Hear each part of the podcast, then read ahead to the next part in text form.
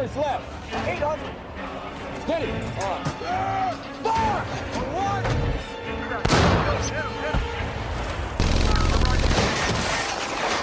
Look forward. Look at your periscope. Periscope. Back. On. Fire! On the line. Ceasefire. Target destroyed. Belanda sedang melancarkan agresi militer.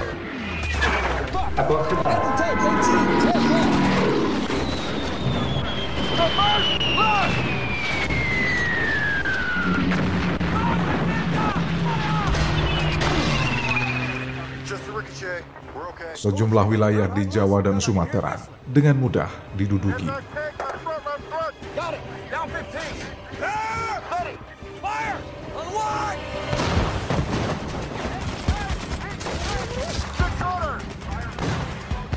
Jenderal Sudirman sebagai pimpinan Tentara Keamanan Rakyat TKR menyerukan kepada para tentara untuk melawan dengan menggunakan semboyan Ibu Pertiwi memanggil.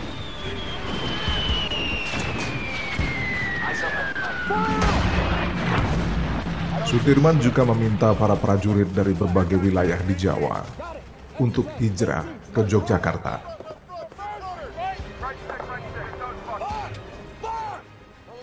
Kata hijrah dipilih karena merujuk pada perjalanan Rasulullah Shallallahu Alaihi Wasallam.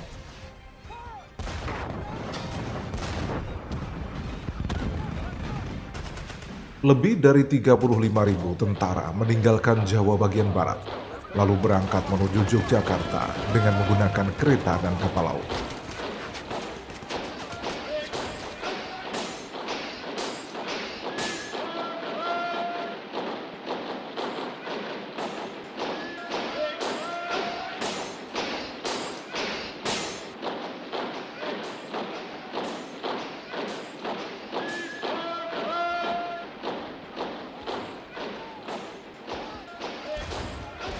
Sembilan belas Desember 1948,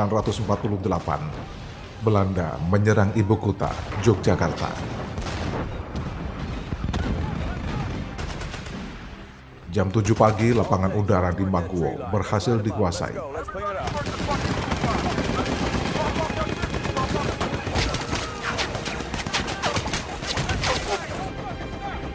Sudirman telah menyadari serangan itu, dan ia memerintahkan stasiun RRI untuk menyiarkan pernyataan para tentara harus melawan karena mereka telah dilatih sebagai gerilyawan.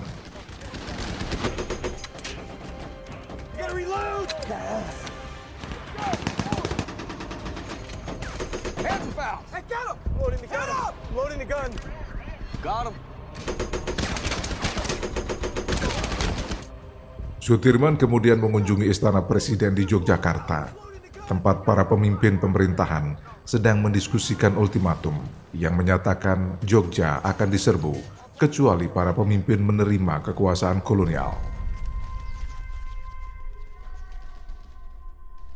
Selama saya menjadi tentara, apalagi terpilih menjadi panglima besar, kesetiaan saya sebagai panglima besar dan pasukannya adalah kesetiaan mutlak bagi pemerintahan Soekarno-Hatta. Tentara kita belum padu. Saat itu Sudirman mendesak presiden dan wakil presiden agar meninggalkan kota dan berperang sebagai gerilyawan. Mendukung pemerintahan yang sah. Namun sarannya ditolak. Jenderal Sudirman bersama sekelompok kecil tentara dan dokter pribadinya akhirnya memilih jalan gerilya. Meski dokter melarang, Sudirman mendapat izin dari Presiden Soekarno untuk bergabung dengan anak buahnya. Bul, pasukan wis ketok kene to, Mas. terus apa maksudmu? Menyelinap. Ia lalu bergerak ke arah selatan menuju Kretek, Parangtritis, lalu Bantul. Jadi aku alon-alon wae. Jadi semuanya tidur.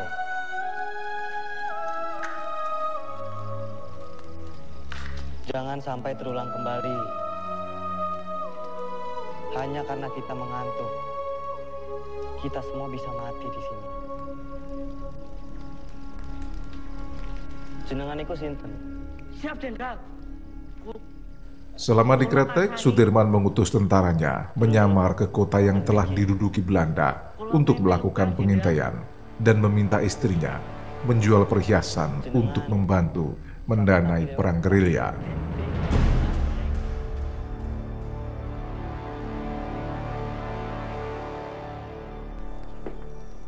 Setelah beberapa hari di Kretek, ia melanjutkan perjalanan ke arah timur melalui pantai selatan menuju Wonogiri. De Nederlandse kranten hebben tevens al bericht dat Sudirman reeds is gevangen genomen. Volgens de lokale bevolking en de geheime dienst bevindt Soederman zich in de omgeving van Wonosari. Sadar bahwa Belanda sedang memburunya, pada 23 Desember, Sudirman memerintahkan pasukannya untuk melanjutkan perjalanan ke Ponorogo.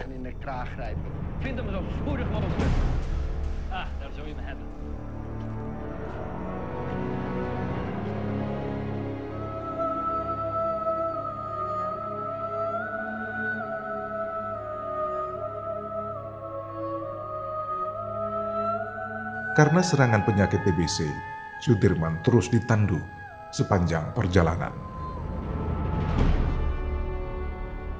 Putra bungsu Sudirman, Muhammad Teguh Bambang Cahyadi, berkisah. Perjalanan untuk melaksanakan perang gerilya saat itu sangat berat, apalagi kondisi ayahnya semakin parah. gerilya itu dijalani kurang lebih 1000 km. Itu ditempuh dalam jangka waktu kurang lebih tujuh bulan. Dan itu berjalan itu, Pak Dirman itu bukan lalu naik kendaraan, enggak. Itu jalan kaki. Kalau enggak juga ditandu. Perjalanan beliau itu sangat berat sekali dan dia bermangkas di Desa Sobo, Pacitan. Bapak pulang gerilya itu pada tanggal 10 Juli tahun 49. Karena pada saat itu Belanda itu menyampaikan kepada Sri Sultan Hamengkubuwono IX Belanda mau mas, eh, keluar dari Jogja jika Pak Dirman masuk kembali ke Jogja itu. Itu pada 10 Juli tahun 49.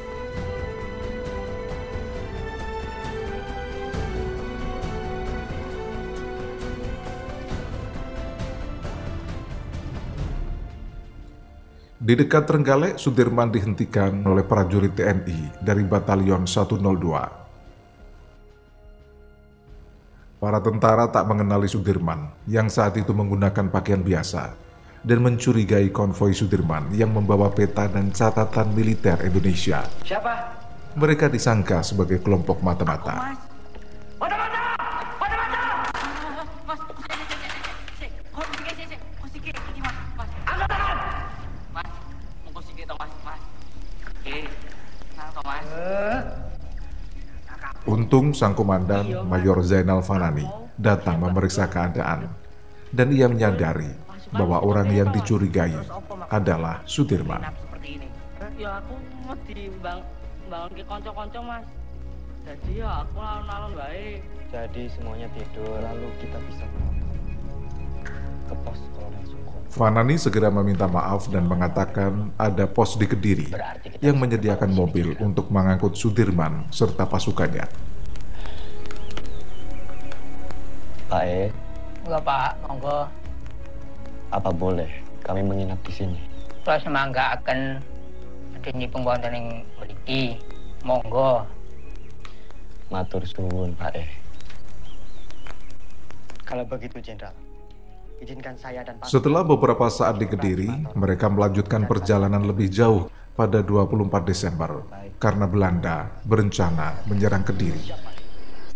Sepertinya Kediri sudah tidak aman lagi, Pak. Bapak sebaiknya segera mengungsi dari sini. Serangan Belanda yang berkelanjutan menyebabkan Sudirman terus bergerak menuju sejumlah wilayah hingga akhirnya tiba di Nganjuk, Ponorogo, Pacitan.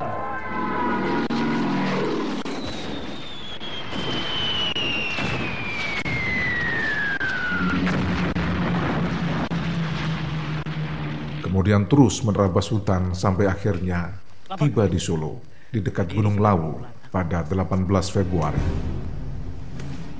Kamu beritahu Jenderal.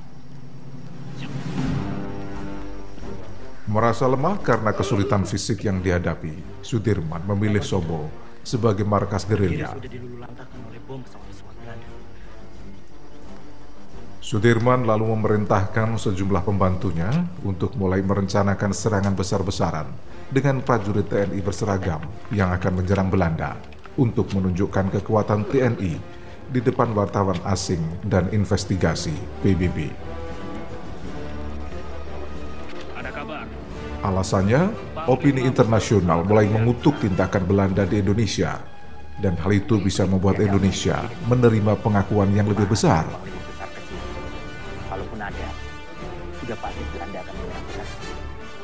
Pertemuan akhirnya menghasilkan rencana serangan umum 1 Maret 1949.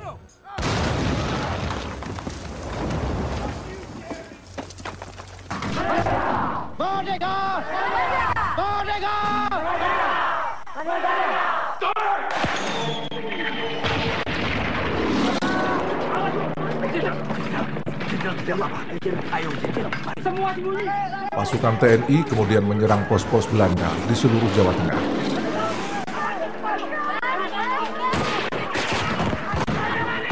Di bawah komando Letkol Soeharto, TNI berhasil merebut kembali Jogja dalam waktu 16 jam.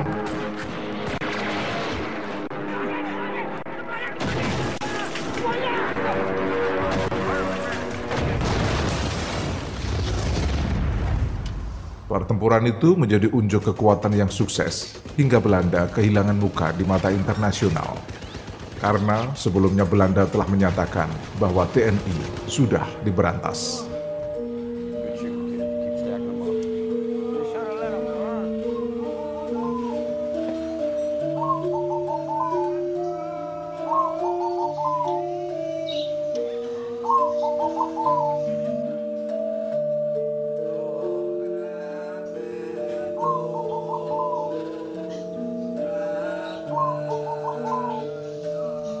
Sudirman lahir 24 Januari 1916 di Dukuh Rembang, Desa Bantar Barang, Kecamatan Rembang, Purbalingga, Jawa Tengah.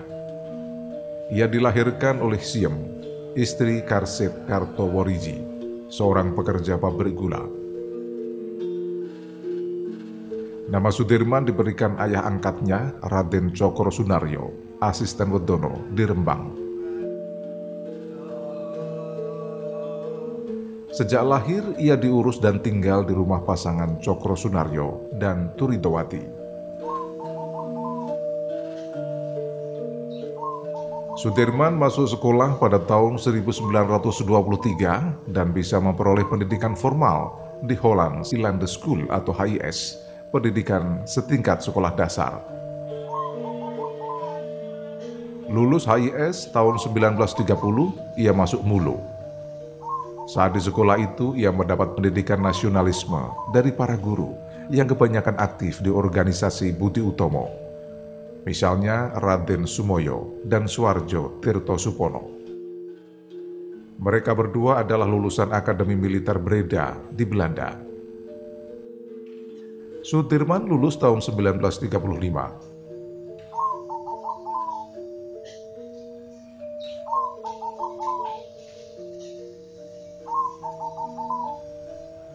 Sudirman dibesarkan keluarganya dengan cerita kepahlawanan, diajarkan etika dan tata krama priayi, serta etos kerja dan kesederhanaan rakyat jelata. Sedangkan pendidikan agama, ia mempelajari Islam di bawah bimbingan ulama kenamaan Cilacap, Kiai Haji Kohar.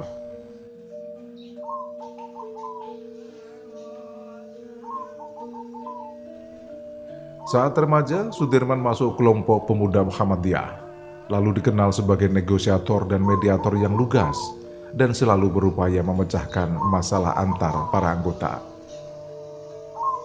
Pada saat yang sama, ia juga berdakwah di beberapa masjid. Sudirman terpilih sebagai ketua kelompok pemuda Muhammadiyah Kecamatan Banyumas pada akhir 1937. Ia kemudian mengikuti seluruh kegiatan kelompok pemuda di Jawa Tengah dan menghabiskan sebagian besar waktu luangnya dengan melakukan perjalanan dan berdakwah.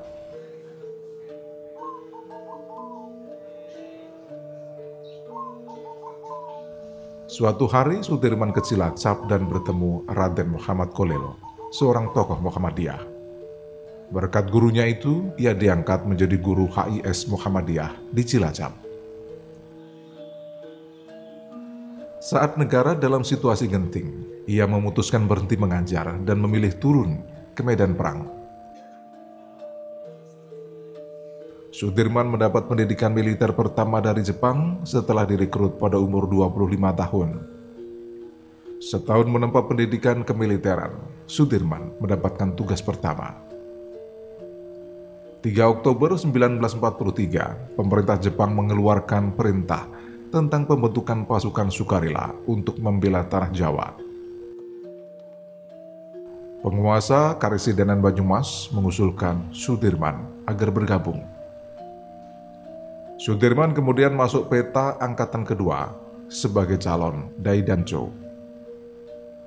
Tentara Jepang sebenarnya tidak suka dengannya, sebab saat menjadi anggota Badan Pengurus Makanan Rakyat, ia sering menentang instruksi tentara Jepang. Namun karena Jepang berkepentingan membentuk pasukan bersenjata untuk menghadapi serangan tentara sekutu, persoalan pribadi itu dikesampingkan. Menurut pengamat militer Salim Said, saat menjadi prajurit peta itulah mental dan jiwa Sudirman mulai dibentuk. Itu bukan pendidikan militer teknis. Itu pendidikan politik sebenarnya untuk menjadi bapak bagi anak buahnya. Jadi ketika dia menjadi Dai Danco di Banyumas, komandan batalion, terjemahannya bahasa uh, Jepang itu, sebenarnya dia hanya bapak. Karena batalion itu, batalion peta itu, the real komandan batalion yang memimpin pertempuran, kalau ada pertempuran, itu orang Jepang.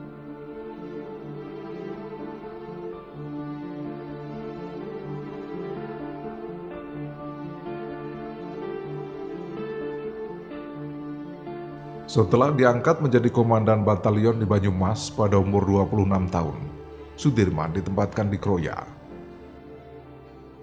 Ujian pertamanya dilalui pada 21 April 1945 saat pasukan peta di bawah komando Budancho Kusairi menyerang Jepang di desa Gumiler, Cilacap.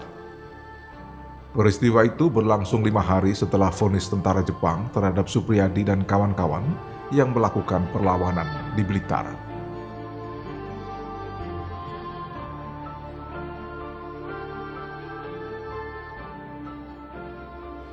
Sejak saat itulah karir militer Sudirman melejit hingga berpangkat jenderal, meski sebenarnya ditentang banyak kalangan, termasuk para politisi, karena ia dinilai minim pengalaman militer, sebab sebelumnya ia hanya seorang guru sekolah dasar.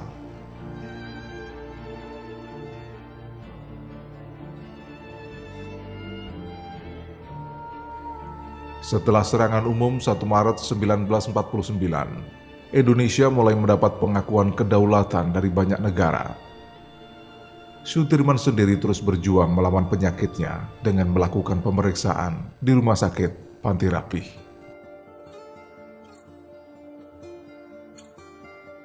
Ia menginap di Panti Rapih menjelang akhir tahun, lalu dipindahkan ke sanatorium di dekat Pakem. Ia lalu dipindahkan ke sebuah rumah di Magelang. Akibat penyakit TBC akut, Sudirman kemudian jarang tampil di depan publik. It's not even my job! Vanaf het begin was ik tegen het kabinet. Drees volgde constant de resoluties van het ministerie van Veiligheidszaken. Dat geeft de Republiek weer een mogelijkheid.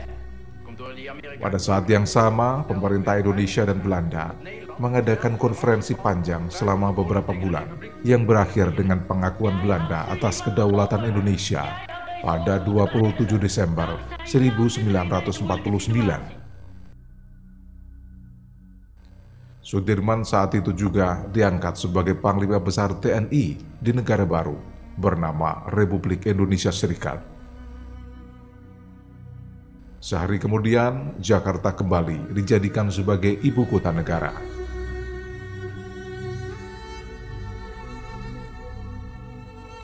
Tak hanya perjuangan melawan penjajah, Sudirman dan Urip Sumoharjo juga mampu mengurangi perbedaan dan rasa ketidakpercayaan yang tumbuh di antara mantan tentara Kenil dan Peta, meski beberapa tentara tidak bersedia tunduk pada militer pusat dan mengikuti komandan batalion pilihan mereka. Saat para presiden, menteri, dan pemimpin lainnya sedang menata pemerintahan, Sudirman harus berjuang melawan penyakitnya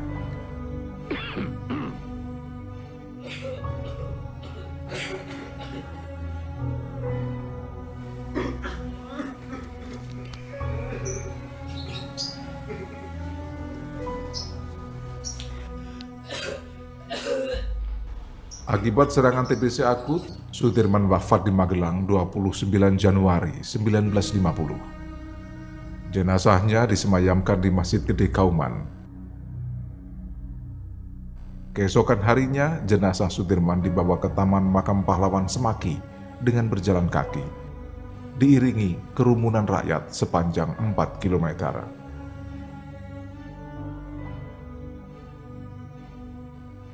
Surat kabar harian kedaulatan rakyat menulis, Indonesia kehilangan seorang pahlawan yang jujur dan pemberani. Kolonel Paku Alam 8 mengatakan, seluruh rakyat Indonesia, khususnya angkatan perang, telah kehilangan bapak yang tak ternilai jasanya kepada tanah air. Sementara itu, sejumlah tokoh muslim di tanah air menggambarkan sosok Sudirman sebagai lambang dari bangunnya jiwa pahlawan Indonesia. Sebagian lainnya menyatakan Sudirman adalah putra revolusi karena ia lahir dalam revolusi dan dibesarkan oleh revolusi.